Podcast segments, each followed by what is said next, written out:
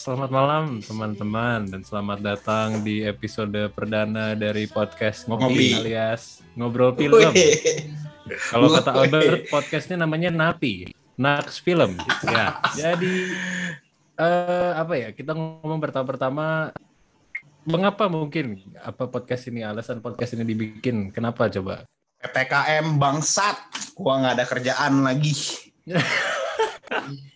Kalau menurut Berto, Enggak kalau kalau dari gua sih kenapa gua kepikiran buat bikin podcast film? Karena gua suka banget bahas film ya. Dan salah satu oh bukan salah satu sih salah dua orang yang gua ajak diskusi film kan kalian berdua kan. Jadi waktu Noah ngajak bikin podcast ya gue bilang ya ayo banget sih gua gue butuh banget wadah buat ngobrolin film gitu tambah kan gue juga ada YouTube channel juga kan ngomongin film Wih, juga promosi. review film. Oh, Oke, berarti Langsung. untuk kawan-kawan Namanya nama Nah, YouTube channelnya lu Film jawab dah. Seminggu. Lu nge-lag tadi no? Lu ngelek no Ah, tadi no. Anjing. Tunggu tunggu tunggu. Berarti gua gua ganti internet dulu deh emang bapuk nih. maaf maaf. Nih kalau gue jujur aja ya, gue ikut ya gue suka bahas film. Gue suka bahas film bareng mereka, gue suka bahas film bareng teman-teman gue yang lain juga. Ya emang gue suka ya gue orang film gitu. Cuman alasan kenapa gue ikut podcast ya gara-gara memang gue nggak ada ngapa-ngapain. Gara-gara PPKM. Cuy, gua ngelek banget ya ini ya. Ngelek parah ya. Enggak kok, Telat enggak. banget nih gua masuk ke lu nya. Udah enggak kok, no. Udah enggak sih sekarang? Oh, di Lingga berarti yang lama nih nyampe. Oh, Ya. gua guanya yang ngelek, guanya ngelek, guanya ngelek mungkin. yang lama. Oke. Gue lambat. Mungkin kita masing-masing mungkin introduction dulu kali ya. Eh namanya siapa, Boleh, terus di boleh. industri itu kerjanya seperti eh, sebagai apa, sorry. Mungkin dimulai dari Noah dulu Ya. mungkin. Oke, perkenalkan nama gue Noah Teo Syara, umur gue 22 tahun, tinggi dan 185 cm. eh ya kalau mau ditanya gue backgroundnya apa, sebenarnya gue tahu ada. gue gue sutradara slash scriptwriter lah gitu. Pekerjaan sekarang apa? Ya saya freelance, freelance apa juga nggak tahu sih sebetulnya. Cuman ya begitulah. It be like that, man. Berikutnya Lingga coba. Halo, halo. Nama gue Arlingga Putra. Eh gue berumur sekarang umur gue oh gue harusnya tahun ini 23 tahun Eh gue pernah masuk jurusan film sekarang gue bekerja sebagai produser dan editor kebanyakan nge- ngedit sih edi- editor editor film tapi ya Oke. Nama gue Albert Prawira. Gue bekerja sebagai freelance director of photography, eh, freelance DOP. Terus sekarang hmm, ada kerjaan sampingan yang gimana-gimana sih. Nggak ada yang jualan-jualan apa juga sih. Ya, gue punya, gue baru aja bikin YouTube channel gitu. Namanya Tiga Film Seminggu itu eh, YouTube channel yang digunakan untuk kita eh, review film. Jadi karena gue suka bahas film, makanya eh, why not gue tuangin semuanya ke dalam satu medium, yaitu di YouTube yang bisa dinikmati sama semua orang juga gitu. Jadilah YouTube channel itu. Sekarang kita mau ngapain sini nih? Apa? Eh, tar dulu dong. Gue jadinya pengen ngulang introduction gue. Kayak kurang proper aja. Gak apa-apa itu kan menunjukkan karakteristik anda Oke, saya terima. Saya terima. Saya terima. Oke, diterima aja jadi kita di sini mau ngapain nih, teman-teman?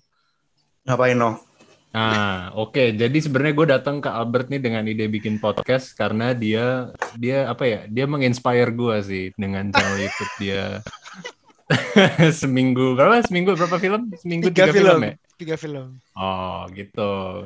Cuman karena Albert ini kan bergeraknya di bidang di apa YouTube ya. Jadi mungkin gua karena males ngedit juga kayak gue lebih banyak ngomongin soal film aja gitu. Makanya gue pengen Hmm. bikin suatu podcast bareng anak-anak ini gitu. Asik anak-anak. Nah, sebenarnya yang kita akan ngobrolin malam ini adalah karena kan sekarang lagi lagi banyak banget ya di Disney Plus tuh apa Disney lagi ngeluarin banyak banget film-film baru dari Marvel ya. Nah, Film pertama yang kita akan bahas malam hari ini adalah Black Widow yang baru keluar kapan tuh? Berapa minggu yang lalu? Dua minggu yang lalu ya? Semingguan kayaknya tanggal 12 kalau nggak salah deh. Sutradara film ini adalah Kate Shortland. Gue Oh, belum pernah tuh? denger sih namanya ini sebelumnya. Mari Kita buka IMDb kali ya. Boleh, boleh. Coba dicek. Oke, menurut ini dia itu sutradara dari film Lore di tahun 2012 dan Somersault tahun 2004. Kemudian 2017 kemarin dia baru direct juga namanya Berlin Syndrome. Gue belum nonton Oh, tahu. Berlin Sin. Do itu yang direct. Emang tentang apa sih? Gue nggak tahu, gue nggak pernah denger. Sa- itu thriller sih, film thriller. Sabi, oh dia. Seriusan dia. Iya, Fix sih, ini, ini mah gara-gara itu sih dia terkenal. Maksudnya gara-gara itu dia di calling Black Widow langsung. director Marvel ya. Oh, Oke lah. Iya, langsung di calling Paling gitu. recent sih itu sih emang gitu. Hmm. Natasha Hmm. Romanoff confronts the darker parts of her ledger when a dangerous conspiracy with ties to her past arises. Jadi berhubungan dengan masa lalunya dia sebagai seorang widow. Widow atau Black Widow, sorry. Black Widow ya berarti. Black Hmm. Widow ini kan seperti tentara pembunuh gitu kan ya. Jadi ada Project Red Room punyanya Dreykov yang dibikin eh, membuat anak-anak perempuan tuh sebagai pasukannya dia gitu. Kalau menurut lu pada sendiri temanya Black Widow ini menarik nggak? temanya Black Widow sendiri. Hmm. Kalau menurut gue sih kan mengenai apa ya? Mengenai seseorang yang ingin mencari keluarga ya. Pengen belong dalam sebuah keluarga sih kalau yang gue nangkep dari ini gitu ya. Ya Black Widow sendiri kan salah satu superhero eh salah satu Avenger yang belum mendapatkan film solonya gitu ya. Dia sama siapa nama? Hawkeye lah dari Hawkeye. Avengers awal ya, like the original Hmm. Avengers yang dari du- 2012 gitu Hmm, hmm. dan memang gue sangat tertarik sih justru dengan apa how sosok Natasha Romanoff ini bisa menjadi seperti itu gitu seorang yang apa dingin dan seolah-olah nggak punya attachment di mana-mana gitu kan gue setuju sama Noah sih sebenarnya intinya adalah ya dia mencari uh, where's her part lah di family yang dia sebenarnya tidak pernah punya gitu it's apa ya it's safe to assume bahwa film ini memang bukan safe to assume memang sangat jelas bahwa film ini very female driven ya. Hampir hampir seluruh castnya itu wanita gitu perempuan. Dan apa bukannya nggak ada masalah gue sih nggak ada masalah sama itu sekali sama sekali. Karena kan memang settingannya mengenai a group of female assassins ya gitu. And I think that's freaking kick ass gitu. Tapi I came across this post yang apa it poses a question gitu. Sebenarnya ada pertanyaan. Uh, bukan pertanyaan lah statement lah gitu. Kayak when it comes to female apa when it comes to female badasses gue nih sebenarnya mencari seseorang yang bukan hanya jago berantem tapi seseorang yang apa moving the narrative forward gitu. Intinya memajukan ceritanya. Nggak cuman badass untuk memperlihatkan wanita sebagai tangguh dan kuat dan sama seperti pria in that sense in a physical sense.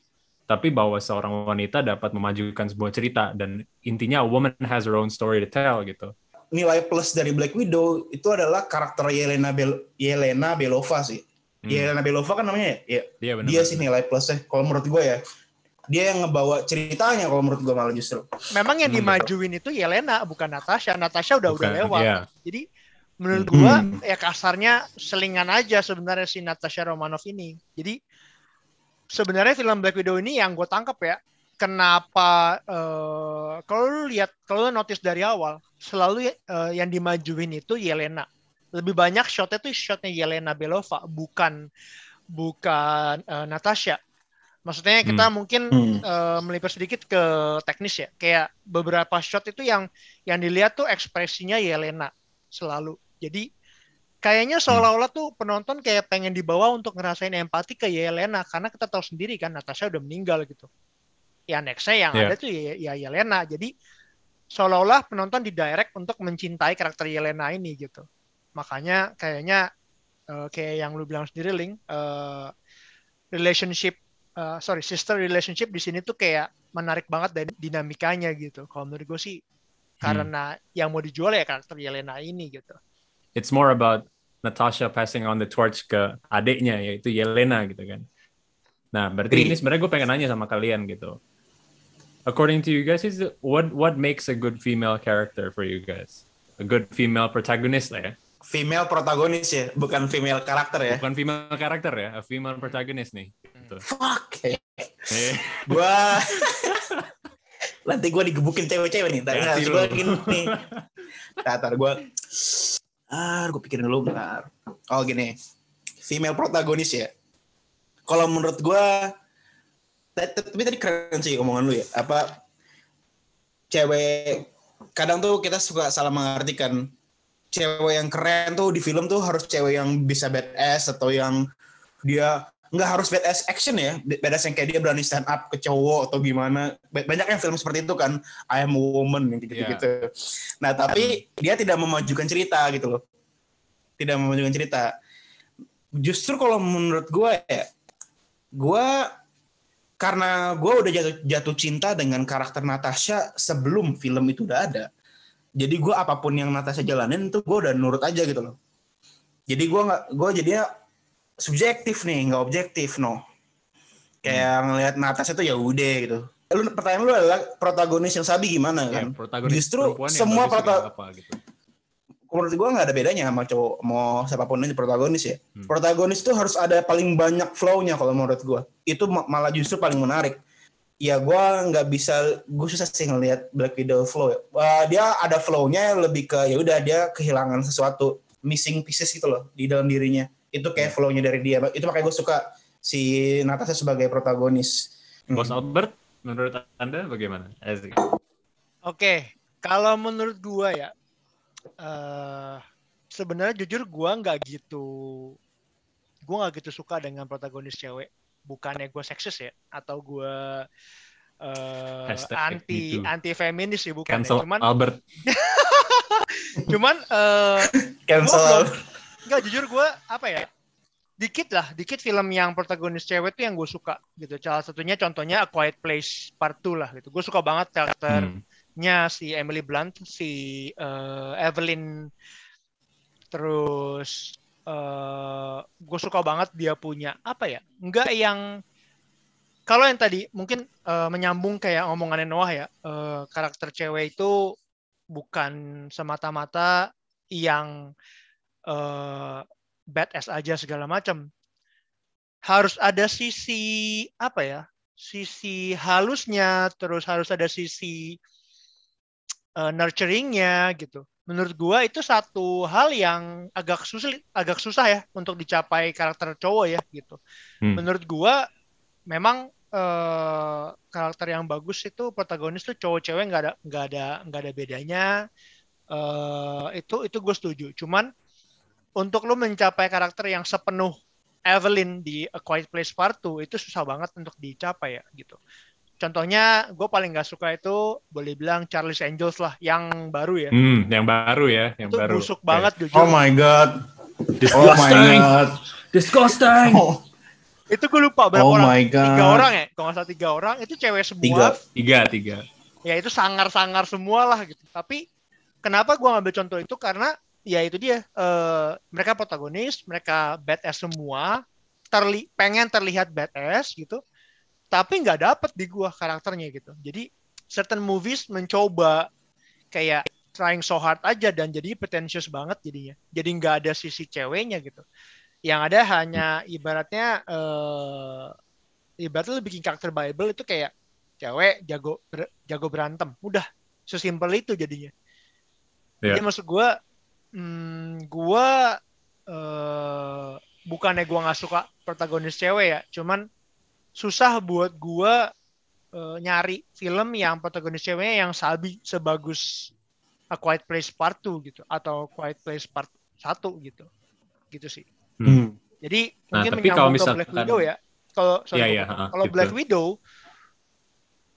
gua jujur ya gua nggak sefanatik Lingga. Jadi gua mungkin bisa sedikit lebih objektif ya. Gua nggak, gua jujur Hmm. dari awal gua nggak gitu suka karakternya Black Widow di Avengers. Menurut gua, Trigger.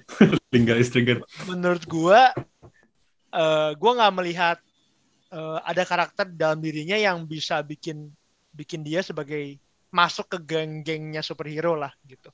Karena ya balik lagi tujuan gua awal nonton Black Widow adalah gue pengen tahu itu gitu. Kenapa sih gua Hmm. ngerasa distant nih sama karakter Black Widow ini? Makanya gue pengen tahu cerita di balik dia tuh apa? Karena kan dari awal Avengers sampai akhir tuh dia nggak diceritain banyak gitu.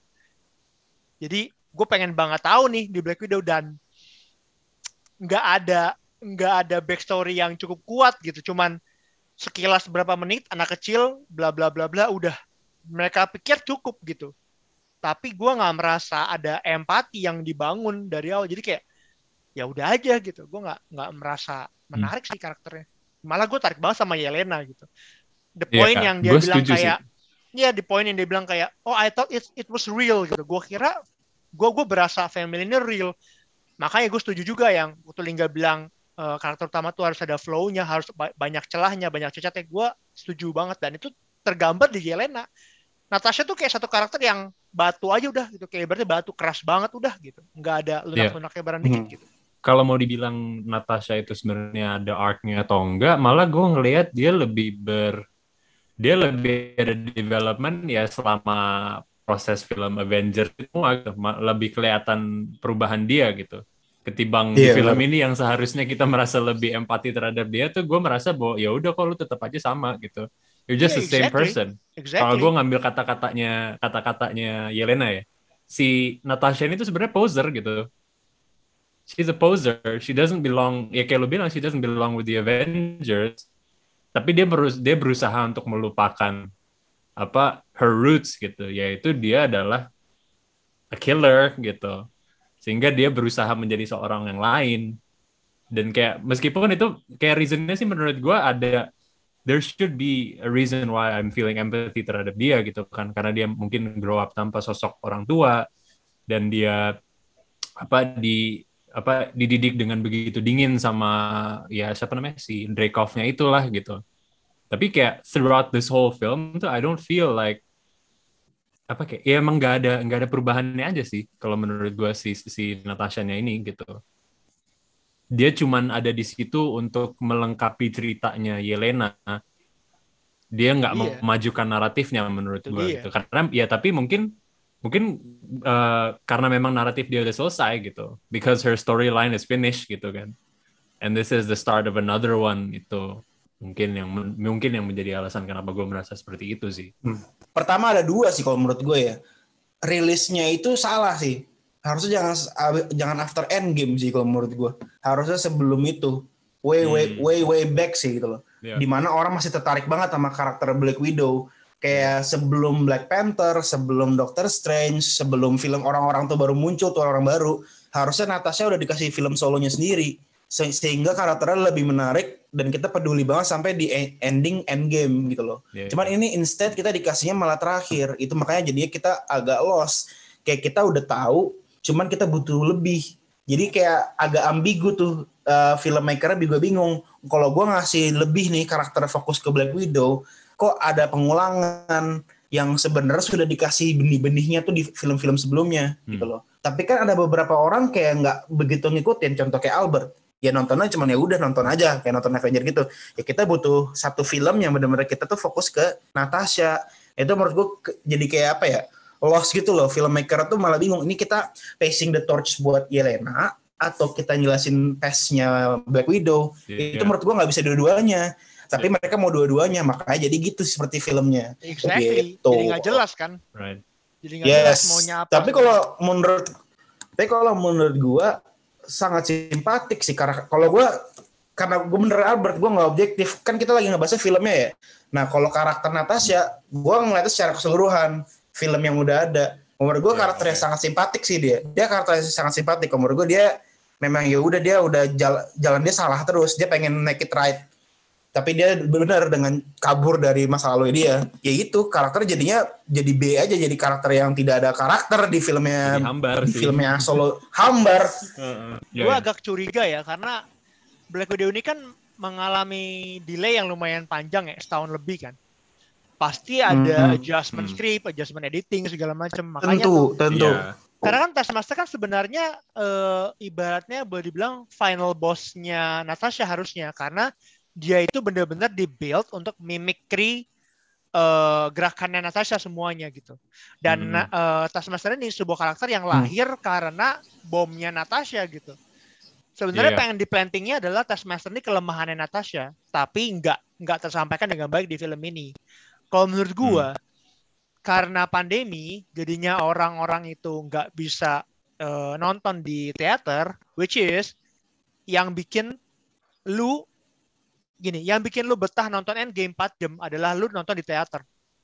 Kalau lu nonton di, di laptop nggak bakal kelar tuh film. Maksudnya gini, impact yang dihasilkan nggak bakal sebagus itu animonya, ngerti nggak lu? Nah, Iya. Black Widow nggak Hmm. bisa ngasih story selengkap Endgame karena lu cuma bisa nonton di laptop atau di HP. Jadi runtime-nya tuh eh, screen time-nya tuh terbatas banget cuma dua jam lebih. Itu aja udah, udah mentok banget. Makanya kalau menurut gua, nah makanya Panjang sih menurut gua, itu.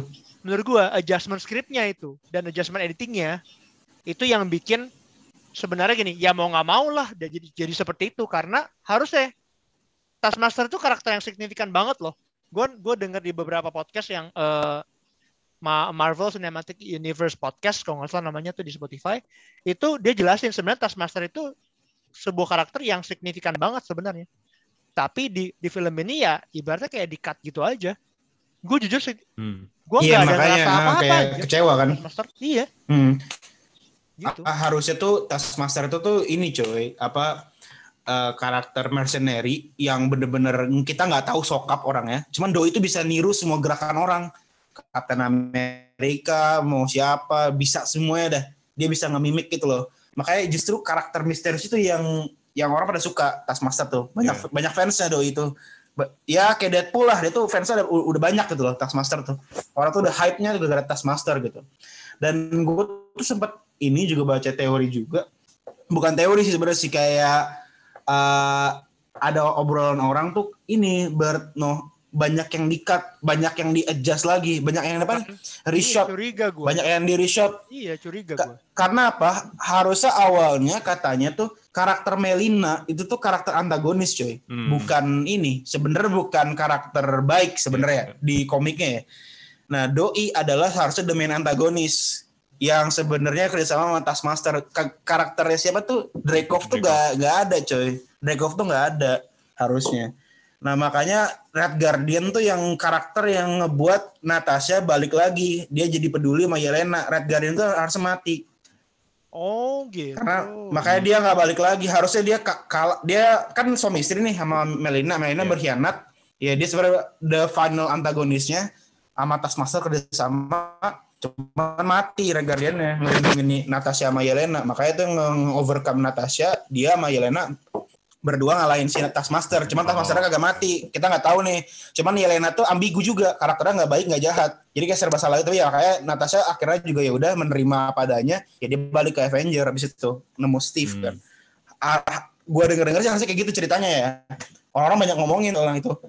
Cuman habis itu ya di reshoot jadi yang kayak gitu. Makanya gue juga bingung. Oh, kalau kayak oh, gitu menarik anjir gitu kalau aja. kayak begitu kenapa jadi kayak gini ya Hmm. Iya, jadi lebih ber inilah ada nuansnya gitu ceritanya.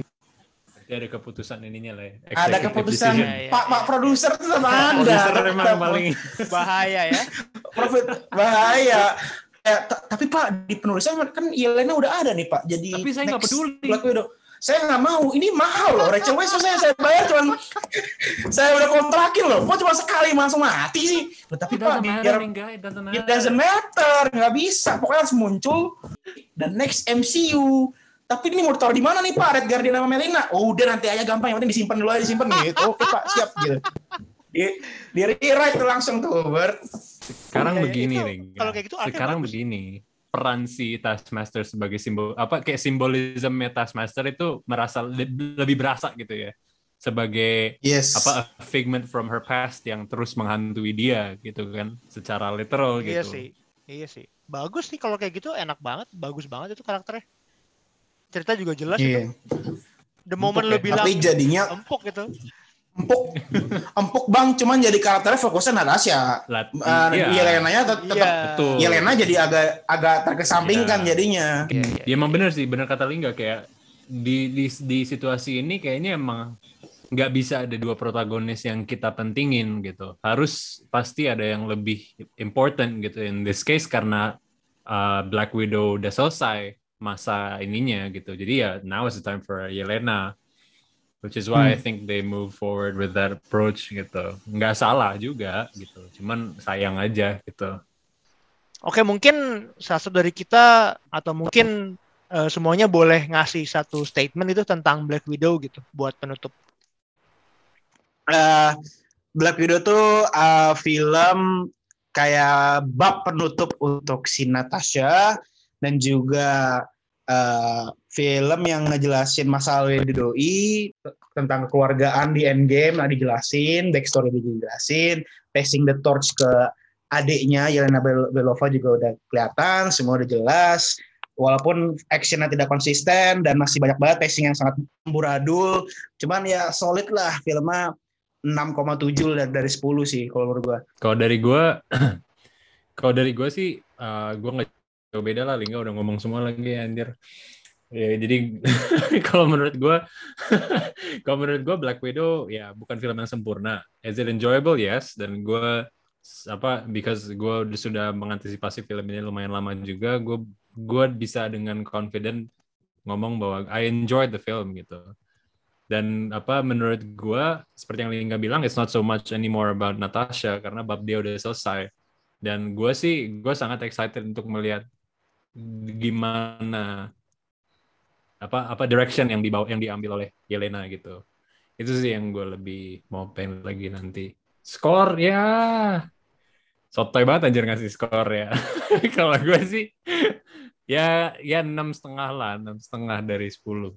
Oke, dari gue ya. Black Widow menurut gue ngambil temanya cukup menarik karena ada di tahun 2021, yaitu adalah salah satu tahun yang di mana membahas besar dan membahas banyak tentang wanita ya. Dan apalagi tema Black Widow ini kan membahas tentang wanita yang boleh dibilang kalau mereka ngomongnya adalah satu populasi yang udah terlalu banyak di dunia ini gitu.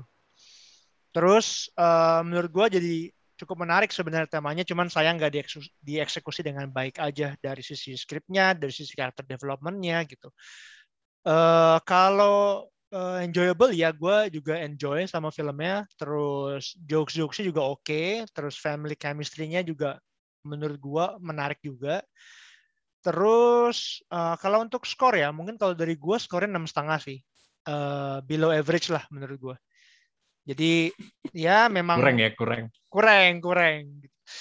Ya gitu aja, kayak ibaratnya jadi pengantar aja sih, sayangnya gitu. Kalau Lingga udah invested banget sama karakternya, tapi kalau dari gua, gua sih jelek ya jelek aja. Mungkin sekian uh, podcast ngopi ngobrolin film dari kita bertiga uh, dari gua Albert, uh, Lingga dan Noah. Kita undur diri. Sampai jumpa di podcast berikutnya.